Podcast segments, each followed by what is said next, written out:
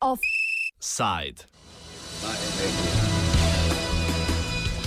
Drago zaračunana transparentnost.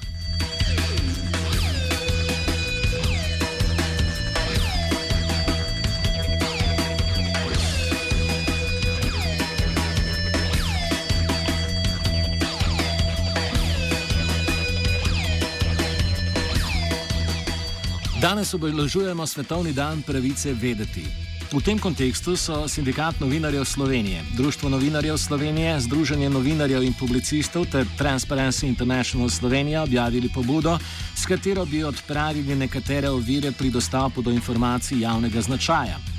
Spremeniti želijo zakon o dostopu do informacij javnega značaja, krajše ZDIJZ, Pobudo so organizirali sredi septembra, oziroma so organizacije sredi septembra že naslovile na Ministrstvo za javno upravo, Ministrstvo za kulturo, Vlado Republike Slovenije in Urad informacijskega pooblaščenca.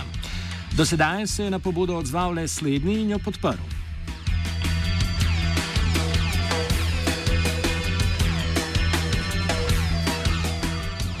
Predlagani novi člen zakona bi predvideval, da vsaka stranka nosi svoje stroške postopka, ter da je v postopku o dostopu do informacij javnega značaja stranka zgolj prosilec, eh, kadar gre za dostop do podatkov, za katere je z zakonom določeno, da so javni.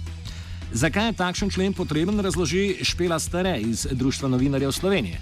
V bistvu smo se novinarske organizacije skupaj s Transparency International Slovenije odločile, um, za pobudo za spremembo 26a člena oziroma dodan, to je no, nov dodan člen 26a v zakonu o dostopu do informacij javnega značaja. In sicer zato, ker želimo um, rešiti problem, ki je nastal v zadnjih mesecih za novo prakso ustavnih sodišč. Uh, in omogoča, da se v postopke po zakonu o dostopu do informacij javnega značaja kliče tudi tretje uh, stranske udeležence, se pravi tretje osebe, uh, ki jih lahko zastopajo odvetniki. In v primeru, če naprimer nek organ, inštitucija novinarju zavrne, um, dostop do teh informacij, je potem stroške zastopanja po trenutni razlagi upravnih sodišč in zakona o upravnem postopku dolžen plačati novinar. Uh, in to je pač za nas nesprejemljivo, ker v bistvu zapira državo pred javnostjo in onemogoča hiter in učinkovit dostop do teh informacij. Upravna sodišča so v zadnjih letih torej v postopke za pridobitev informacij, ki so nesporno javnega značaja, vključevala tretje osebe skozi inštitut eh, stranske udeležbe. Gre za prakso zadnjih nekaj let, ki jo je Vrhovno sodišče leta 2011 označilo za nesmiselno, razloži stare dejansko razlaga v preteklih letih ni bila takšna. V zadnjem času se je pa začela spreminjati, kljub temu, da je vrhovno sodišče v sodbi, ki jo tudi navajamo, a ne v, tej, v tej besedilu naše pobude, že reklo, da takrat, kadar te stranski udeleženci ne morejo vplivati na izid postopka, uh, njihovo klicanje teh udeležencev ni upravičeno. To pomeni, da če je neka informacija, ki je javna, naprimer vem, plača javnih uslužbencev ne, ali pa ne vem, delovna uspešnost ali pa kakšni drugi. Ta, to sicer so podatki, ki se nanašajo na določeno osebo ne, in ta oseba po neki logiki bi lahko bila poklicana v postopek. Ampak ona ne more tudi s tem, ko se v ta postopek ne, uh, pač prijavi, ne more vplivati na izid tega postopka, ker gre za informacije, ki so nesporno javne po zakonu, neposredno po zakonu. Um, in um, pač tudi po mnenju informacijske pooblaščenke je to. Um, nespremljiva oziroma nepravilna praksa ne, upravnih sodišč in v bistvu problema se zavedajo tudi na Ministrstvu za javno upravo. Zakon o dostopu do informacij javnega značaja sicer predvideva zgolj zaračunanje materialnih stroškov pridobivanja informacij, naprimer kopiranje, razloži stare. Zakon o dostopu do informacij javnega značaja prav, da, so, uh, da je dovoljeno v bistvu zaračunati prosilcu samo materialne stroške samo se pravi stroške kopiranja tega, ne vem, nekih nosilcev, ne, um, podatkov, nikakor pa nič drugega, tudi dela javnih uslužbencev ne, ne. Zato je to, da zdaj nastajajo neki novi stro, stroški, a ne za prosilca, popolnoma nesprejemljivo. Kljub temu pa prosilec lahko nosi dodatne stroške po zakonu o splošnem upravnem postopku. Tako mora v primeru, da prosilec za pridobitev informacije javnega značaja v postopku ne uspe, kriti tudi stroške za odvetnike stranskih udeležencev v postopku. Razloži Sebastian Peterka z Transparency International Slovenija. Tukaj gre v bistvu za to, da eh, osebe, ki jih dejansko tangira postopek, lahko vključijo v to spravnega zastopnika in potem zahtevajo po zakonu o upravnem postopku a, povračilo teh stroškov, vkolikor recimo sodišče odloči a, proti, a, proti prosilcu, a, ker je recimo, mislim, da konkreten primer je bil a, zahteva za podatke o sodnikih oziroma mislim, da njihovi uspešnosti. Tukaj je, bil potem, je bila potem dilema, ali se vsakega sodnika v Sloveniji vpraša potem, ali se strinja z objavo teh podatkov oziroma se lahko vključi v postopek, kar je potem seveda recimo, ne vem, mislim, da neka standardna taksa je 100, ne vem, 200 evrov, kaj tazga, potem pa to pomnožimo z številom sodnikov in pridemo do, mislim, da kaj, konkreten primer je obsegal nekih 70, ne vem, 70 ali koliko tisoč evrov, nekaj tazga. Stroški stranske udeležbe za prosilce pa nastanejo tudi, če ne izgubi sodnega postopka, razloži stare. Vse na koncu je lahko uspešen, ne? ampak ta postopek se zelo dolgo vleče in tudi organ, ne? organ že na prvi stopni, ko zavrne uh, posredovanje informacij, lahko novinarju izstavi račun. Potem se sicer novinar lahko pritoži, ampak to ne, um, ne ustavi v bistvu uh, tega, mislim, lahko se, lahko se pritožuje in potem se poste, postopek vleče, ampak stroški že nastajajo in račun je že izstavljen. V tem je problem. Ne? Problem je tudi ni samo v sami uh, tej materialni moment, ne? ampak je tudi moment. Um, uh, trajanja postopka. Zato, ker vsakič, ko moraš ti klicati uh, vse te stranske udeležence, uh, moraš vsakmu vročati po zakon, po, v skladu z zakonom o upravnem postopku, a ne um, vročati to pošto in to neverjetno zavleče v bistvu postopke.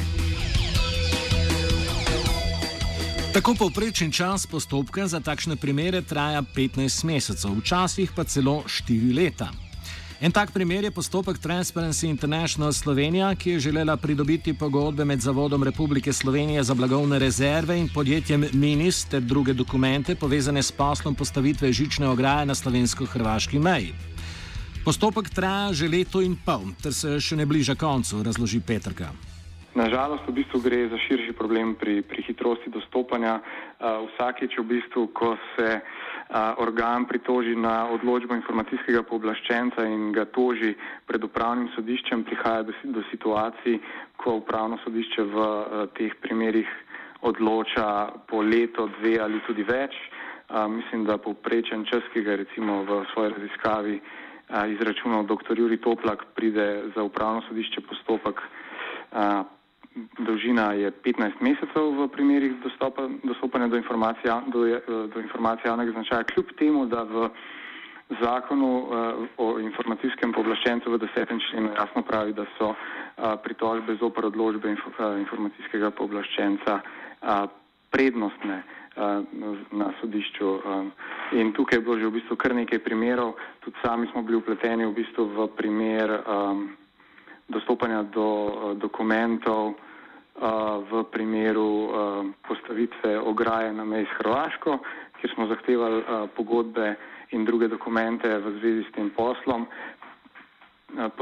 Postopek smo sprožili že v februarju 2016, pa recimo ta postopek še danes ni končan in niti ne kaže, da bi bil v nekem hitrem roku tudi rešen. Reševanje zahtev za dostop do informacij javnega značaja informacijski pooblaščenec sicer rešuje dokaj hitro, postopek pa se zakasni, kadar Roma na upravno ali vrhovno sodišče, razloži Petrka. Statistika kaže, da tako organi kot tudi informacijski pooblaščenec uh, rešujejo zadeve uh, vedno hitreje.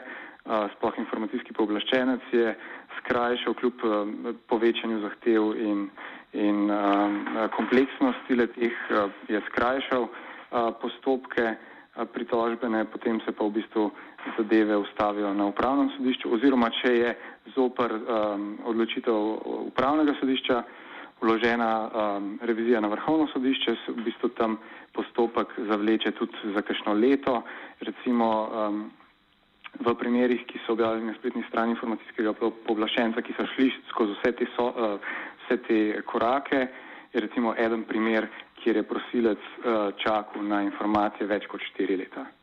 Um, tako da, ampak ja, poprečen čas je pa tam leto, pa pol, dve leti, uh, dve leti pa pol kitajskega. No, uh, zelo, zelo dolg uh, rok, kar v bistvu prosilcem onemogoča učinkovit uh, dostop uh, in v bistvu nekako onemogoča uh, učinkovito nadzorstveno funkcijo javnosti um, predvsem recimo v primerih porabe javnih sredstev. Zgled za rešitev te problematike bi lahko predstavljala Hrvaška, ki omejuje čas takšnih postopkov na upravnem sodišču, meni Petrka. Ja, recimo, mi vedno pri tem uh, primeru izpostavljamo primer Hrvaške, ki ima v svojem zakonu dostop do informacij javnega značaja uh, jasno zapisano, da uh, mora sodišče o pritožbah odločiti v primeru eh, informacije javnega značaja odločiti v 90 dneh, kar se nam zdi nek smiselen in še dopusten rok eh, in menimo, da bi morala Slovenija tudi slediti temu zgledu, ker očitno neko načelno določilo, da so zadeve prednostne, ne učinkuje v zadostni meri. Petrka izpostavlja, da gre pri praksi izrabe instituta stranske udeležbe upravnih sodišč za poskus oteževanja dostopa do informacij javnega značaja. Praksa se je začela po sprejeti noveli zakona iz leta 2015, ki je odpravila nekatere takratne anomalije pri zaračunavanju stroškov v postopkih pridobitve informacij javnega značaja. Društvo novinarjev in Transparency International sta takrat uspešno vodila kampanjo proti neopravičenemu zaračunavanju stroškov postopkov, za konec razloži stare. Ja, takrat je pa se šlo za to, da je bilo v bistvu neko neskladje med zakonom in uredbo in je ta uredba nekako omogočala ne, tudi to zaračunavanje stroškov. Zato oziroma je bilo tako, da so v bistvu organi imeli vsak svoj nek pravilnik in so si kar oblikovali neke cenike. Uh, Ministrstvo za javno upravo pa ni um, sprejelo, kar bi moralo po zakonu, um, tega nekega. Um, generalnega splošnega cenika za posredovanje informacij javnega značaja. In to je bil kar nekaj časa problem, ker so se potem um, poleg teh materialnih stroškov uh, v, v te postopke prikradli tudi stroški dela javnih uslužbencev, se pravi, ko so oni mogli ponovno zbirati te podatke, jih kopirati in tako naprej. In so se ponovno množili te stroški. In tudi, ker ni bilo tega generalnega cenika, je vsak organ po svoje zaračunaval tudi te čist materialne stroške, se pravi ceno fotokopije in tako naprej. Tako da um, to je bilo potem z novelo zakona urejeno, s tem, da je bila tudi za to spremembo in tudi potem v kampanji je, kar, um, je bilo treba sprejemati amandmaje in izvajati v bistvu pritisk na poslance, da je bila res uh, sprejeta uh, taka dikcija zakona, ki ne dovoljuje, ki je veliko, se pravi, teh in, zlorabe v interpretaciji. Offside je pripravila Zala.